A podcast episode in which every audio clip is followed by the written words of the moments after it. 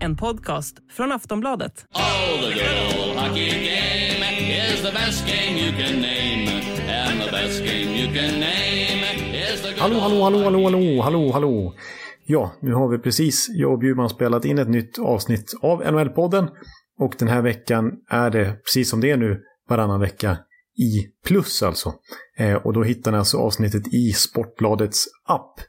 Och erbjudandet, alltså plus i två månader för en krona, kvarstår eh, för NHL-podden. Så att eh, det kan du utnyttja genom att gå in på aftonbladet.se NHL-podden så hittar ni det erbjudandet så får ni ett rabatterat pris. Eh, och vad vi pratar om den här veckan då?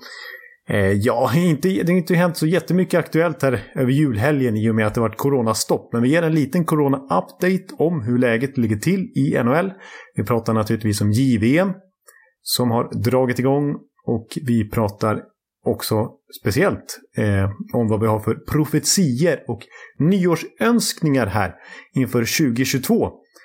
Både jag och Bjurman. Eh, och eh, ja, Bjurman har en hel del ganska radikala förslag på landslagshockey till exempel.